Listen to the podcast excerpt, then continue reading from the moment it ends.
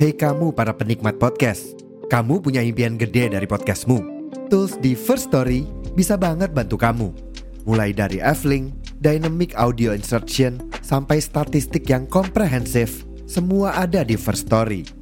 Gak ketinggalan, kamu bisa monetisasi podcastmu lewat iklan dari First Story Ads yang bisa kasih kamu penghasilan dari setiap place podcastmu. Yuk gabung sekarang dengan klik di firststory.me. Sekali lagi, di firststory.me. Mari kita bawa mimpi podcastingmu menjadi kenyataan.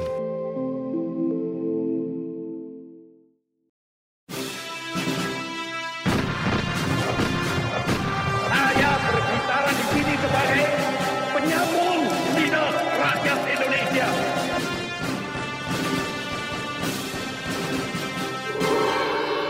Hai, terima kasih sudah memilih mendengarkan kami, Poseidon, podcast yang bikin kalian gagal move on. Halo dan selamat datang di konten paling random podcast dari Indonesia di luar kelas. Tempatnya sedang tidak jelas bersama saya Gar Kananta. Tanggal episode ini tayang kebetulan bertepatan dengan pelaksanaan pemilihan umum Indonesia untuk periode 2024 sampai 2029. Entah kalian bisa milih atau enggak, udah milih atau enggak, dan siapa pun yang terpilih untuk menjabat besok, tetap tugas kita sebagai masyarakat Indonesia adalah untuk mengawal, mendukung, dan mengkritik berbagai keputusan serta rencana yang dibuat oleh pejabat-pejabat yang terpilih nantinya. Karena suka maupun tidak suka, mereka tetaplah pejabat yang nantinya mengelola pemerintahan kita selama lima tahun ke depan. Jadi, jangan hentikan semangat demokrasi dan perhatian kalian cuma sampai pemilu selesai. Karena ini hanyalah awal ya dari proses yang akan berlangsung sampai 2029 nantinya. Udahlah ya, harapan saya cuma yang terbaik aja buat bangsa dan negara kita. Entah besok jadinya susah ataupun senang, jelas kita akan menjalaninya tuh bersama-sama. Kecuali kalian punya duit terus pindah ke Kanada ya. Itu beda cerita kalau udah kayak gitu. Tapi kalau beneran ya kalau ada yang kayak gitu, eh, saya mau diajak dong. Males saya di sini ditipu pejabat terus. Ngomong-ngomong soal pemilu, mari kita bahas soal pemilu. Karena nggak cuma di Indonesia ya, sebagian besar negara di dunia juga ngalamin proses yang namanya pemilihan umum ini. Di Indonesia aja, pemilu yang pertama tuh dimulai tahun 1955.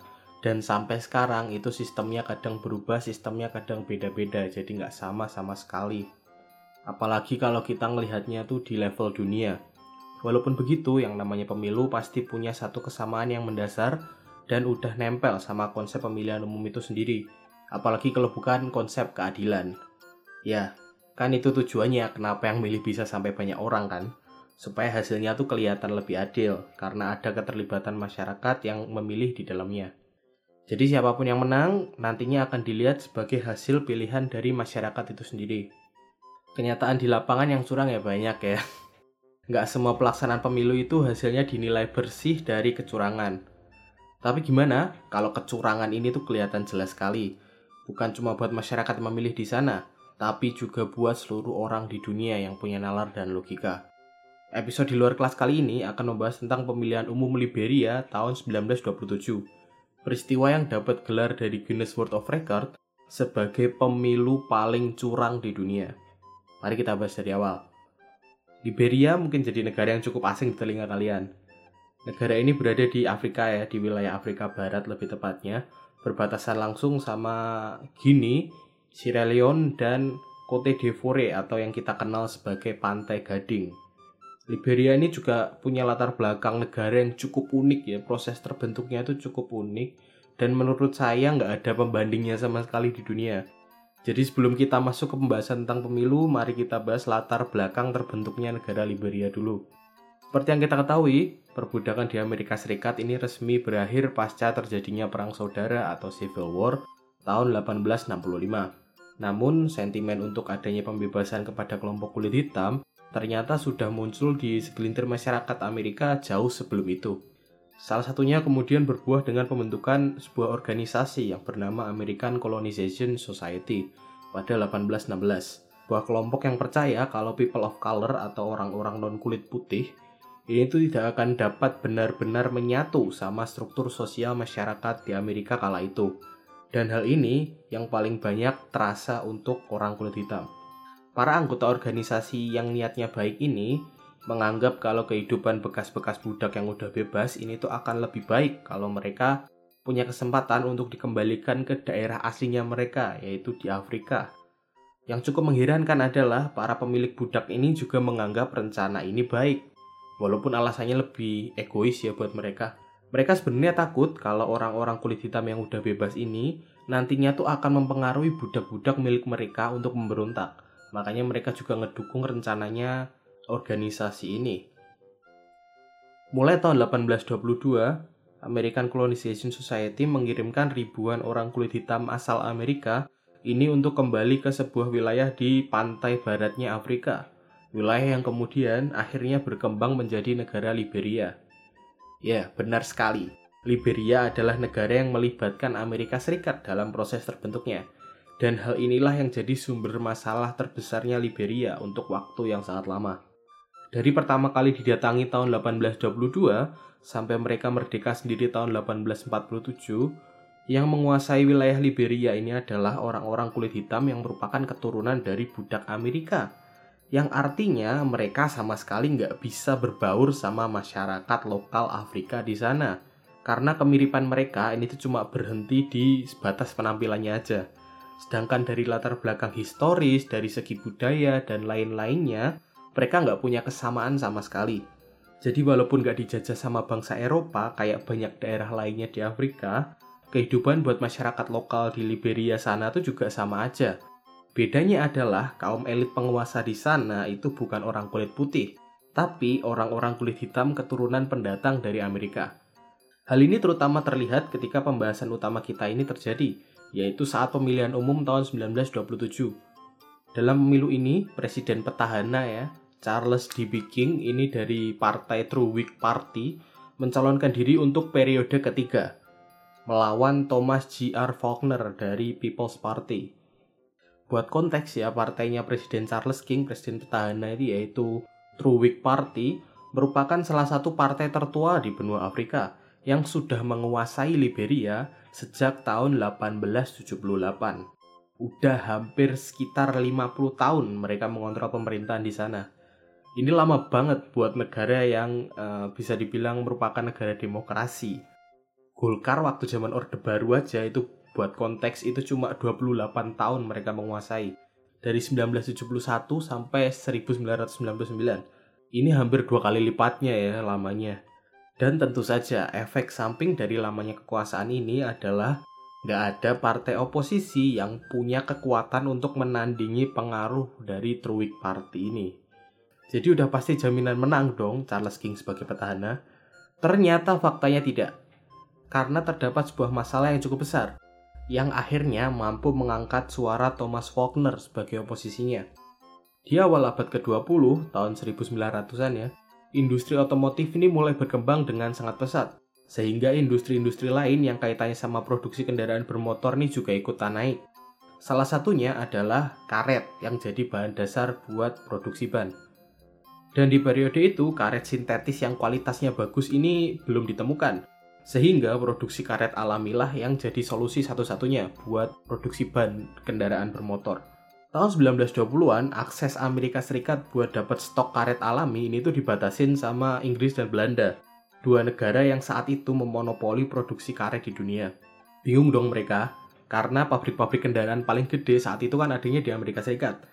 Akhirnya, sebagai solusi, mereka memutuskan untuk membuat produksi karet mereka sendiri di negara beriklim tropis yang udah jadi kawan mereka sejak lama, yaitu Liberia. Tahun 1926, pemerintah Liberia memberikan hak sewa selama 99 tahun kepada sebuah perusahaan bernama Firestone dari Amerika Serikat untuk mengolah sekitar 1 juta ekor lahan yang kemudian ditanamin sama tanaman karet. Kalau dibikin hektar, ini tuh sekitar 400 ribu hektar lebih tanah yang seharusnya bisa dipakai buat pertanian yang lain. Uh, yang nggak terlalu penting lah kayak makanan ya misalnya ya.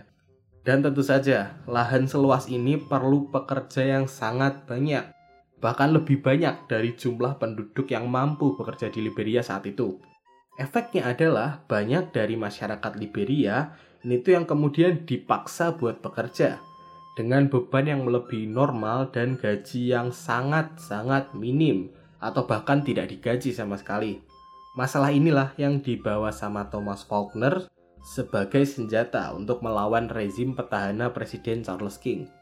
Ketika pemilihan umum tiba, Thomas Faulkner ini mendapatkan sekitar 8.900 suara atau termasuk mayoritas dari sekitar 15.000 pemilih sah yang terdaftar dalam pemilu kala itu. Apakah berarti dia menang? Tidak dong, karena Presiden Petahana Charles King ternyata berhasil mendapatkan 229 ribu suara. Ya kalian nggak salah dengar, dia dapat 200 ribu lebih suara. Padahal yang boleh nyoblos ini tuh cuma sekitar 15 ribu kurang. Mantap gak? Apakah ini termasuk kecurangan? Tidak dong, nggak ada yang namanya curang kalau kalianlah yang menguasai negara. Semua bisa jadi sah ya, semua bisa jadi legal kalau kalian punya kemampuan dan kekuatan buat nodong palanya semua pejabat di negara kalian. Asik. Duit dari perusahaan Firestone itu udah terlalu besar ya untuk kemudian lenyap dari genggaman dia. Cuma karena hal sepele yang namanya pemilu. Serius, ini 200 ribu suara dapatnya dari mana saya juga nggak tahu. Apakah dibeli seperti follower Instagram? Apakah populasi jin di Liberia ini juga boleh ikutan nyoblos? Jawaban pastinya ini cuma timnya Charles King dan Allah Subhanahu wa taala ya yang tahu. Yang jelas dia tuh menang dengan jumlah partisipasi peserta pemilu mencapai 1590 persen berapa kali lipat peserta sahnya ya silahkan dihitung sendiri. Hal yang sangat aneh kayak gini tentu saja menarik perhatian banyak orang, termasuk dari League of Nations ya organisasi pendahulunya PBB. Gara-gara hasil pemilu yang sangat wadididau ini, mereka akhirnya justru menyelidiki dugaan perbudakan dan pekerja paksa yang bekerja di kebun-kebun karet Liberia ini. Presiden Amerika saat itu, bahkan Herbert Hoover, ini juga sempat memutus hubungan sementara dengan Liberia karena adanya dugaan pekerja paksa ini. Dari hasil penyelidikan timnya League of Nations yang diterbitkan tahun 1930, walaupun mereka tuh gagal menuntut Liberia dengan dugaan praktek perbudakan dan pekerja paksa, secara tidak langsung mereka menjabarkan bahwa Uh, pejabatnya pemerintahan saat itu termasuk Presiden King dan wakilnya yaitu Alan Yancey ini tuh mendapatkan keuntungan yang sangat besar dan turut ambil bagian dari kasus yang mereka selidiki tadi. Hasil dari tim penyelidikan ini juga menyarankan untuk menempatkan Liberia sebagai daerah yang diawasi secara langsung di bawah Dewan Perwalian League of Nations. Hal ini tentu saja bikin Liberia kelabakan dong malah diawasin langsung sama dewan-dewan negara di dunia kan mereka tambah nggak bisa ngapa-ngapain gitu kalau mau korupsi ya. Sampai-sampai parlemen di sana tuh langsung memulai prosedur untuk memakzulkan Presiden Charles King dari jabatannya atau uh, memecat ya. Tapi sebelum proses ini selesai, Charles King sudah terlebih dahulu mengundurkan diri ya dari jabatan kepresidenannya. Jadi itulah ya akhir dari pemilu paling curang di dunia. Dari sini kita bisa belajar mau pakai cara apa pun kalau dari awal memang sudah tidak amanah, pasti hasilnya juga tidak akan baik. Gimana menurut kalian? Silahkan tulis di kolom Q&A atau kolom komentar ya sesuai dengan platform tempat kalian mendengarkan. Terima kasih udah dengerin sampai habis. Kalau punya kritik, saran atau ide-ide bahasan, silahkan dikirim ke Instagramnya Poseidon di @podcast underscore sejarah Indonesia atau ke Instagram pribadi saya di @rotikecap. Jika ada kesalahan, saya mohon maaf sebesar-besarnya. Saya Ika Arkananta pamit. Sampai bertemu di konten Poseidon yang lainnya. Bye-bye.